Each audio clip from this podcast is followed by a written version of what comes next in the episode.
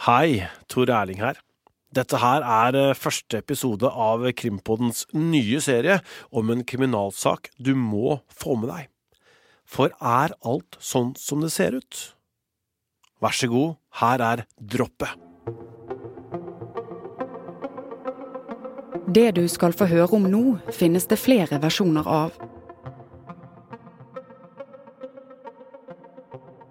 En av Norges kanskje største narkodealere, Gunnar Evertsen, forteller at det en dag banker på døren. Utenfor står det to menn. I løpet av kort tid får Gunnar et uimotståelig tilbud. Så stolt jeg var det. Idiot som jeg var. Fy faen. Dette påståtte møtet er starten på en av de mest spektakulære kriminalsakene i Norge. Krimkommentator Øystein Milli og jeg, Vilde Worren, skal jakte nye svar på hva som skjedde i den såkalte flydroppsaken. Som førte til at flere menn fikk utmålt lange fengselsstraffer etter en tilsynelatende vellykket politiaksjon. Men er sannheten en annen? Kan de være uskyldig dømt? Du hører på Droppet, en serie fra Krimpodden.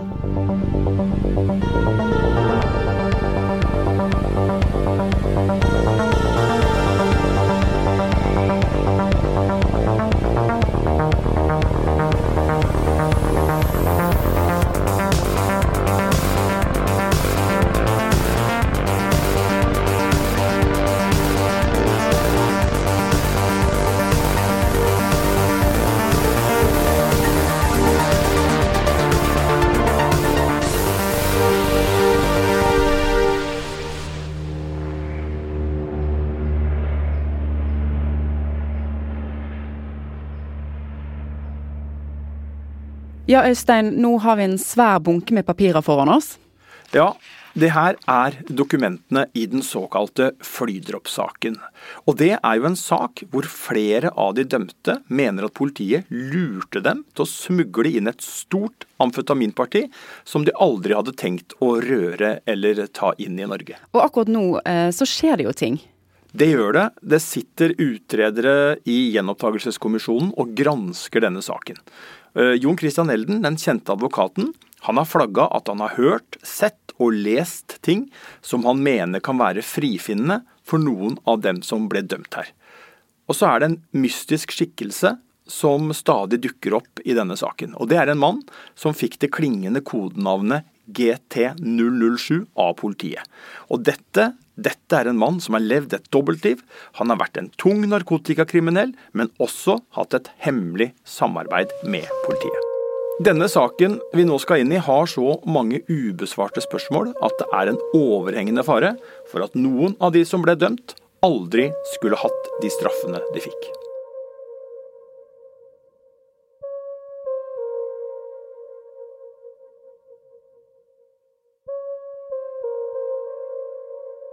Vi må tilbake til start. Ja, det er, det er eh, godt vi tok med lue og hansker, for det er, eh, det er kaldt. Vi reiser til Lyngseidet. En liten bygd ikke så veldig langt fra Tromsø. Her skal vi treffe Gunnar Evertsen. Han som ble kalt sjefen for Nordlandsmafiaen. Han som du hørte helt i starten. Ikke dit vi skal, kanskje? er det da? Opp der. Utenfor huset så står Gunnar. Han tar seg en blås på trappen og er barfot i det kalde været. Hunden hans Bush hilser på. Kom her. Kom her, din kødd. Kom her. Kom her, sa jeg. Bush, kom her. Kom her, kom her, kom her. Kom her, kom her. Ulydig, altså. Så akkurat ute røyka var morgensen. Ja, ja, ja. Vær, vær så god. ja. Stikk på, stikk på. Takk for det. Se her. Her er kaffe, og dessuten så har jeg sånne små kopper. Så kom faen ikke si at du kan få kaffe. Og det er ordentlig kaffe. Slå deg løs. Gunnar har fyrt i peisen. På veggen henger det et knokejern. I vinduskarmen dyrkes poteter oppå en bok om politimannen Eirik Jensen. I den ryddige stuen er det særlig én ting som skiller seg ut. En stor, håndlaget modell av en sjark. En fiskebåt som Øystein legger merke til. Fortell om den, da. Ja, Den forteller seg sjøl. Ja. Når jeg har eh, begynt med to pinner, så har jeg ikke gitt meg fra jeg var ferdig. Hvor har du bygd den, da? Fengselet. I fengselet på cella. Ja. Satt noen år, da. Å, jeg er flink til å sitte. Ja. var det? Hvor mange år du brukte du? Nei, jeg brukte en, eh, et par tusen timer på noe sånt. Så jeg håper at jeg blir ferdig en dag. Hva er din bakgrunn? Ja, det var et godt spørsmål. Jeg har ikke peiling. Det var et jævlig rart spørsmål. ja, jeg vokste opp i en liten fjord i, eh, som heter Komangfjord i Vest-Finnmark. Med 33 hus. Det er derfor jeg er så jævla tale for. Ikke sant? Og eh, vel Så gikk jeg på ungdomsskole og forskjellig sånn tull. tøv. er jeg til sjøs noen år og fiska litt og tull og vass. Og så tenkte jeg at jeg skulle heller reise til Oslo og selge narkotika, for jeg leste i avisa hvor mye penger du fikk. Så gjorde jeg det. Ikke sant? Men de søringene likte ikke meg. Jeg tror jeg setter litt for mye for dem. Han har i store deler av sitt voksne liv sittet i fengsel. Nå er han omgitt av skarpe fjell og dypt hav. Hans liv som narkotikasmugler er et tilbakelagt kapittel, men det er ting som gnager Gunnar. Den såkalte Nordlandsmafiaen drev med narkotikarelatert kriminalitet, og var på sitt største rundt 30 personer ifølge en artikkelserie i Altaposten fra 2011. Mye av aktiviteten dreide seg om smugling og salg av narkotika over flere år. Mange av medlemmene kom nordfra, men hadde bosatt seg i og rundt Oslo. Det var et hardt miljø med egne regler. En av reglene var at de bare skulle selge narkotika til såkalte søringer. Navnet Nordlandsmafiaen er ikke Gunnar så imponert over, og noe misvisende er det, for Gunnar er jo fra Finnmark og ikke fra Nordland. Mafiabegrepet er han heller ikke enig i. Jeg syns nå det er jo helt teit, men OK. Det er jo litt artig òg. jeg syns jo det. Ja, hvorfor det? Ja, for det er jo komisk. Det er jo så tatt ut av kontekst, liksom. Det er jo så overdrevet. Mafia vi, Jeg så aldri på sånn mafia. Du dreiv jo, du solgte jo narkotika, og hvor, hvor stort var det da? Liksom sånn i ettertid. Jeg har aldri tenkt på det. Men så, så ble vi dratt inn i den jævla flyloppsaken. Når det uventet banker på døren til Gunnar i 1993, så står det to typer der, forteller han. En mann vi kaller for Finnmarkingen, som han kjenner fra før, og en mann han ikke kjenner. Og de kommer opp etter å ha bodd i fjerde-femte etasje. Fjerde etasje eller noe sånt. Seinere mener Gunnar at den ukjente mannen heter Gjermund Thorud, som etter hvert skifter navn til Gjermund Cappelen. Hvorfor var han der? Han var vel der for å, for å tilby meg amfetamin, for det var han som kom med tilbudet. Tilbudet. Ikke sant? Cappelen, Cappelen satt på Ja. stoffet. Ja, ja, ja. Og han, Kapp- han. ville selge til deg. Ja, ja, han Cappelen som kom med tilbudet, ikke sant? Gunnar hevder at eh, finnmarkingen forteller at Gjermund Cappelen kan fikse amfetamin i Nederland. Ifølge Gunnar så sier Cappelen at han har gode narkokontakter i dette landet. I et avhør med Gjenopptakelseskommisjonen skal Gjermund Cappelen ha sagt at han aldri har hatt noe med flydroppsaken å gjøre. Men han har òg fortalt en annen historie. Gjermund Cappelens advokat Benedikt de Vibe har blitt eh, forelagt påstandene i denne episoden. Han skriver i en e-post til VG at verken han eller hans klient vil og kan kommentere noen av spørsmålene som er stilt.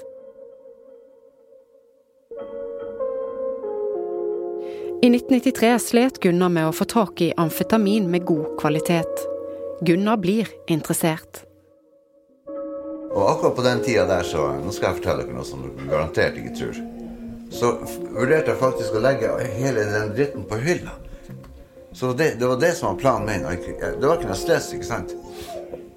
Og, eh, og det som skiller seg ut, vel Kompisen min kom på døra med en, eh, med en hai som har, kan ordne meg ti kilo sånn. amfetamin sånn, ikke sant. Og jeg tenker ok, jeg kan kjøpe 10 kilo, hva gjør meg, jeg har 10 kilo til, ikke sant. Og det var jo helt eksepsjonelt, for ingen kommer på døra til meg og tilbyr meg liksom 10 kilo amfetamin. Alle andre hadde fått seg en, en kanon venstre. Ja. Hele veien, og spesielt hvis det var en, eh, en fremmed fyr, ikke sant. Har du opplevd det før? At det kommer en du kjenner, og har med seg en mann som Nei, nei, nei, nei, nei. nei. Gunnar hevder at han betalte Gjermund Cappelen i underkant av 300 000 kroner for 10 kilo amfetamin. Gateverdien ble den gang anslått å være 20 millioner kroner. I tillegg til Gunnar så var det en annen som var med i den såkalte Nordlandsmafiaen, som òg ble viklet inn i denne saken. Det var kompisen Hilmar Bertheussen. Han fungerte bl.a. som Gunnar sin sjåfør. For å ta kortversjonen om hvordan de to ble kjent, hadde det seg sånn at eh, pelsdyrfarmen han drev, hadde gått konkurs.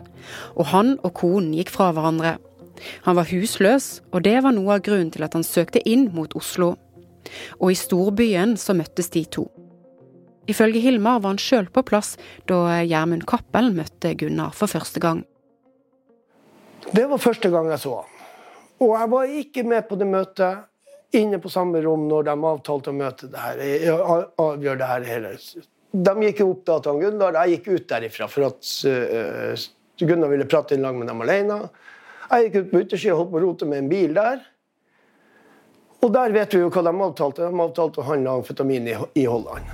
Men jeg sto på yttersida, og Gunnar kom til meg etterpå og sa at du ser han der som går der, ja. Han har ordna ting til meg. Vi skal reise til Holland i morgen. Så. Har du lyst til å være med?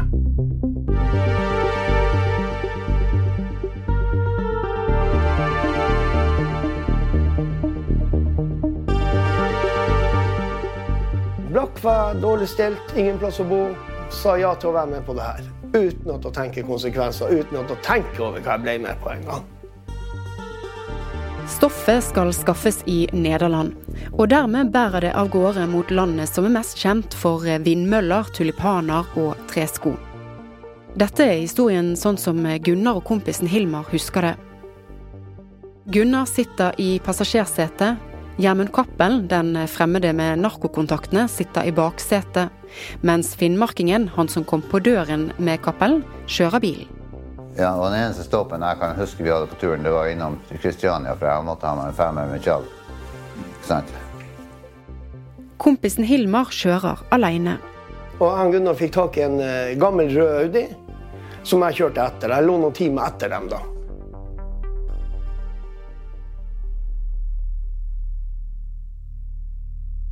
Men Cappelen han har en hemmelighet som de andre ikke får vite om. Han er nemlig ikke en vanlig narkokriminell. Etter hvert når reisefølget Nederland. Der tar jeg og Gunnar og Gjermund inn på hotell. Gunnar forteller at eh, finnmarkingen som kjørte bilen, blir borte for dem. Vi har vært i kontakt med denne mannen for å høre om han vil fortelle om det som skjedde den gang, men han ønsker ikke å snakke med VG. Eh, Dagen etter så eh, kommer han hjelmen tilbake og holder med seg en prøve på to-tre hekto eh, med amfetamin. Dette er for å sjekke ut varene før de så drar videre til den nederlandske byen Breda. Faktisk så var det første gang jeg hadde sett noe amfetamin da. På ettermiddagen så durer vi ned til Breda. bredda. Og Der skulle han ordne ti kilo- ti kilo speed og det gjorde han. Den fredelige byen Breda ligger ca. 1 12 time fra hovedstaden Amsterdam. Jeg måtte parkere en bil utenfor kirka, og så gikk vi til et hotell. Var der tre-fire minutter, så fikk han Gjermund en telefon.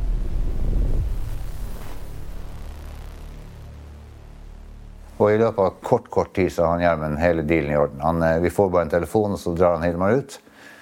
Og det som skjer etterpå, det vet ikke jeg, det har ikke jeg sett. Sant? Men jeg vet jo at de, bare, de plasserte ti kilo i bilen ikke sant, til Hilmar.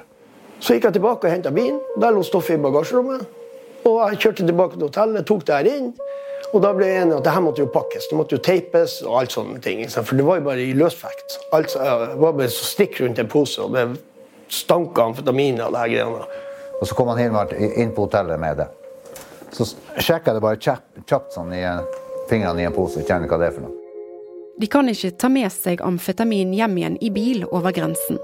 Gunnar får en idé, husker kompisen Hilmar. Vi gikk ut i gangen, jeg og Gunnar. Så eh, Gunnar så frekk han var, han sier da løfter vi til sides takplatene, så legger vi det bak ventilasjonssystemet oppå, oppå de rammene. Og så trekte vi plata over, ikke sant? Jeg mente han var helt safe der, og det var, det var den jo. De reiser hjem igjen til Norge. Og i flere uker skal 10 kilo amfetamin verdt rundt 15 millioner kroner ligge gjemt i taket på hotellet.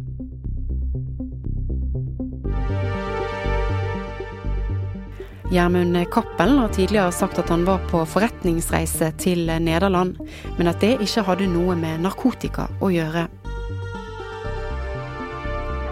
invite you to restudy the safety on board guard before.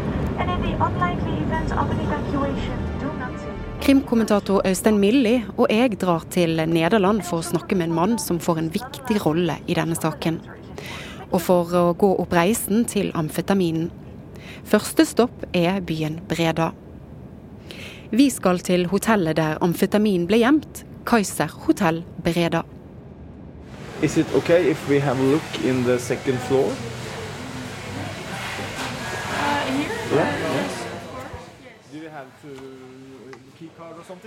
Øystein tar heisen opp i andre etasjen for å lete etter rommet der Hilmar lå.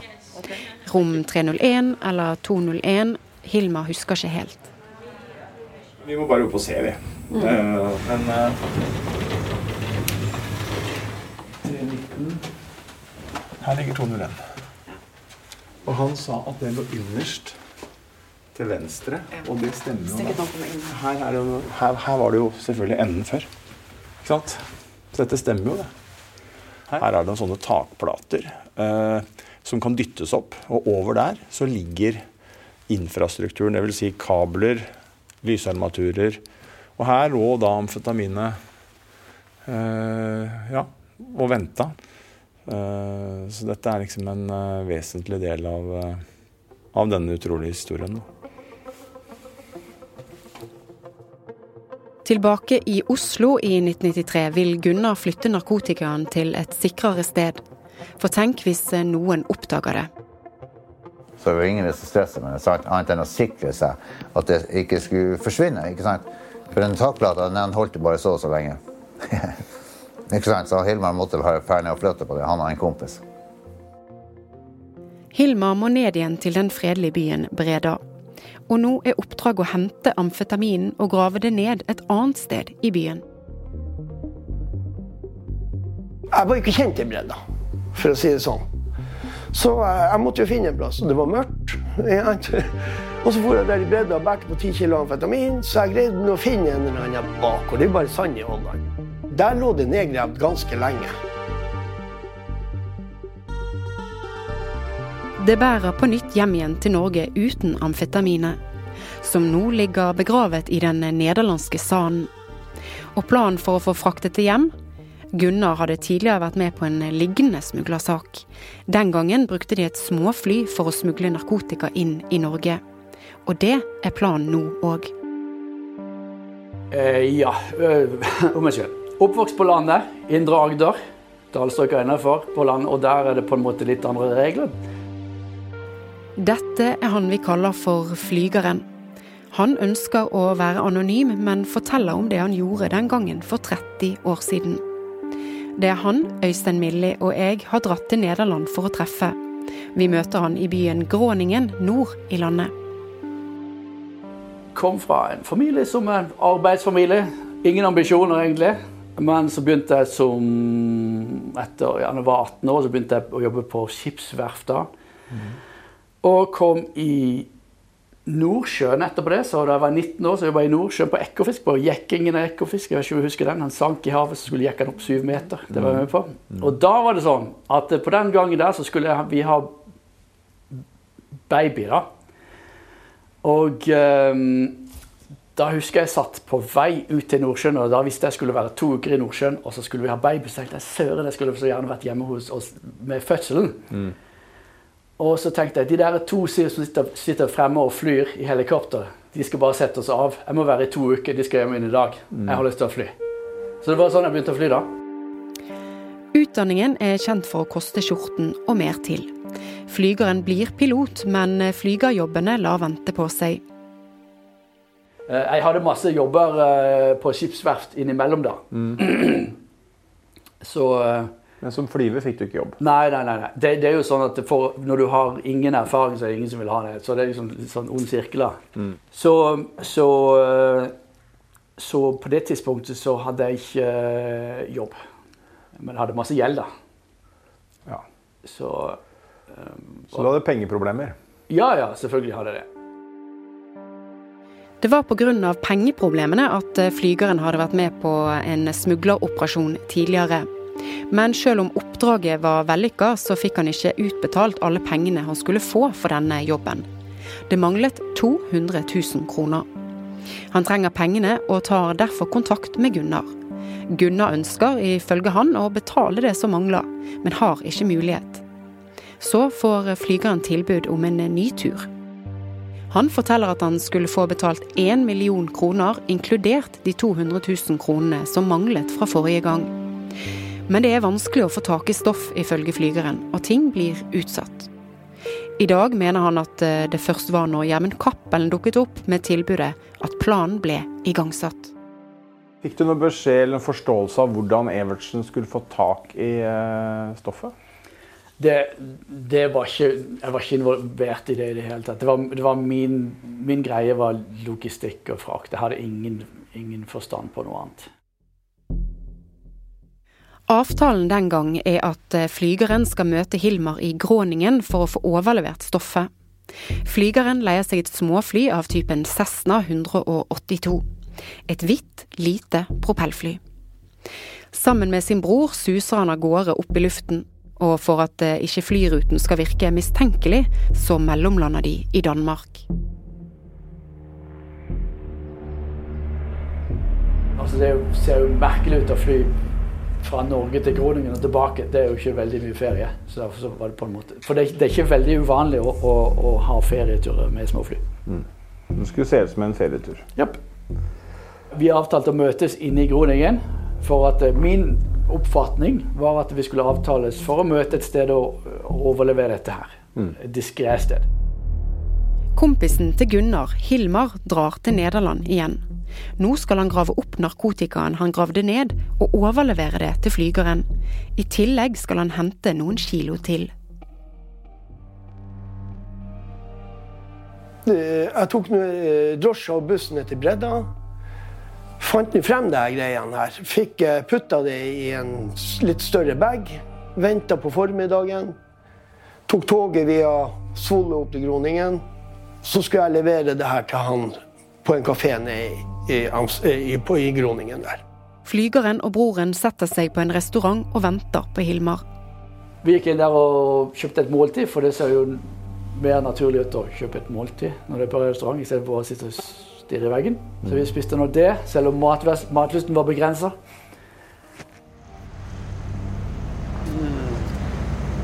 Husker du hva restauranten het? Nei, jeg gjør ikke det. Jeg tror det var noe med steakhouse eller beefhouse, eller beef, beef eller steak. Overleveringen av den 13 kilo store pakken med narkotika skal altså skje på en restaurant. Sammen med flygeren så går vi ut i gatene i Gråningen for å finne plassen de satt på. Are you local here? Yeah. Yeah. So we are looking for. Uh, a, there used to be a steakhouse back in 1993, so 30 years ago. Somewhere here. Do, do you know? Bronco, you mean Bronco Steakhouse? Yeah. It's uh, about 50 meters that way. Is it still here or is Yeah. it? Okay. Thank you very much. Nå er jeg spent på å se om du sier eh, ja eller nei her nå. Ah. Ah. Er det her? Vent. Skal vi se. Ja, her er det.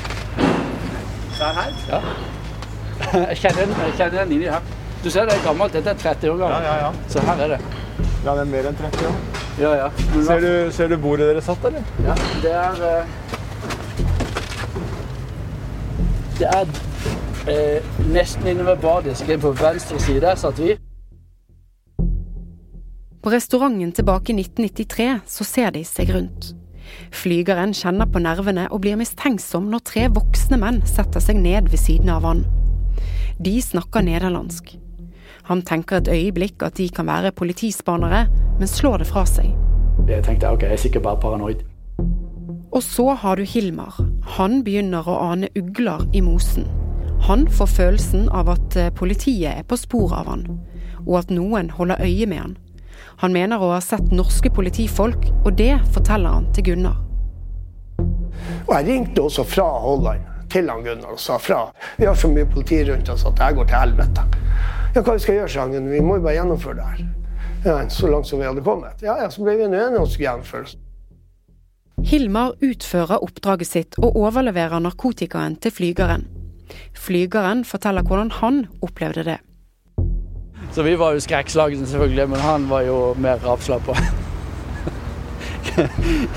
Så han kom, eh, altså Hilmar kom da gående gjennom gatene her. Inn Med, her, inn ja, her. med inn den døra der, med en bag på skuldra. Og i den Ja, baggen. nei, nei, han kom, han kom sånn, da. ja, Litt sånn på halv åtte. Ja. Inn. holdt bagen i høyre hånda. Ja. Og i den bagen, hva lå det der? Jeg tar det jo de der amfetaminene. Dagen etter bærer de hjem for flygeren og broren. Det lille Cessna-flyet har de parkert på flyplassen i Gråningen. Vi reiser dit. Skal vi gå bort og se om vi kan se rullebanen? Ja. Kanskje. Det var den døra der vi trengte å gå inn i, faktisk, før. Den som han kom ut av. Ja. Da gikk dere inn der for å komme til flyet? Ja. Jeg tror det, for det var på, rett på denne sida av flytårnet. Så her var flyet, da. Ja. Eh, og måtte fjerne is av flyvingene på, på, um, på morgenen, da, for da hadde det dannet seg is. og brukte en times tid på det. Og etterpå det tok vi på overlevingsdrakter. Med narkotikaen om bord letter det lille Cessna-flyet med kurs mot Norge. Målet er et lite tjern i de sørlandske skoger, Olstadtjernet. Og ved vannet befinner det seg to personer. De har fått i oppdrag å ta imot narkotikaen. Eh, og jeg hadde jo ikke mobiltelefon, men min bror hadde mobiltelefon. Så jeg lånte hans mobiltelefon da, og ringte til de gutta med Olstadtjern og spurte om, og, og forsikra oss om at kysten var klar, at det var ingenting mistenkelig. Nei. Og så, eh, med god tro, så tok, det var jo, ja, tok vi av og fløy oppover.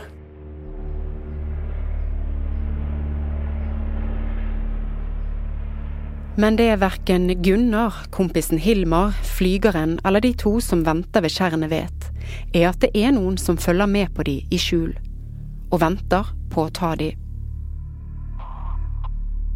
Gjermund Cappelens advokat Benedikt de Vibe har blitt eh, forelagt påstandene i denne episoden. Han skriver i en e-post til VG at verken han eller hans klient vil og kan kommentere noen av spørsmålene som er stilt. Pressesjef i Oslo politidistrikt Unni T. Grøndal skriver i en e-post til VG at de ikke kan svare på spørsmål angående saken, fordi den er til vurdering for gjenopptakelse. Har du opplysninger om flydroppsaken, så kan du sende mail til krimpodden vg.no. Kildegrunnlaget i denne serien er politidokumenter, rettsdokumenter, kildesamtaler, intervjuer og avisartikler. Vil du høre mer av denne serien, så ligger episode to hos Podme. Flere gode kollegaer har bidratt. Takk til Gisle Oddstad, Marianne Vikås Tofthagen og Christian Torkelsen. Musikk og lyddesign er av Ronny Furevik. Emilie Halltorp er nyhetssjef. Beate Koren Amundsen er avdelingsleder i VGs podkastavdeling. Ansvarlig redaktør er Gard Steiro.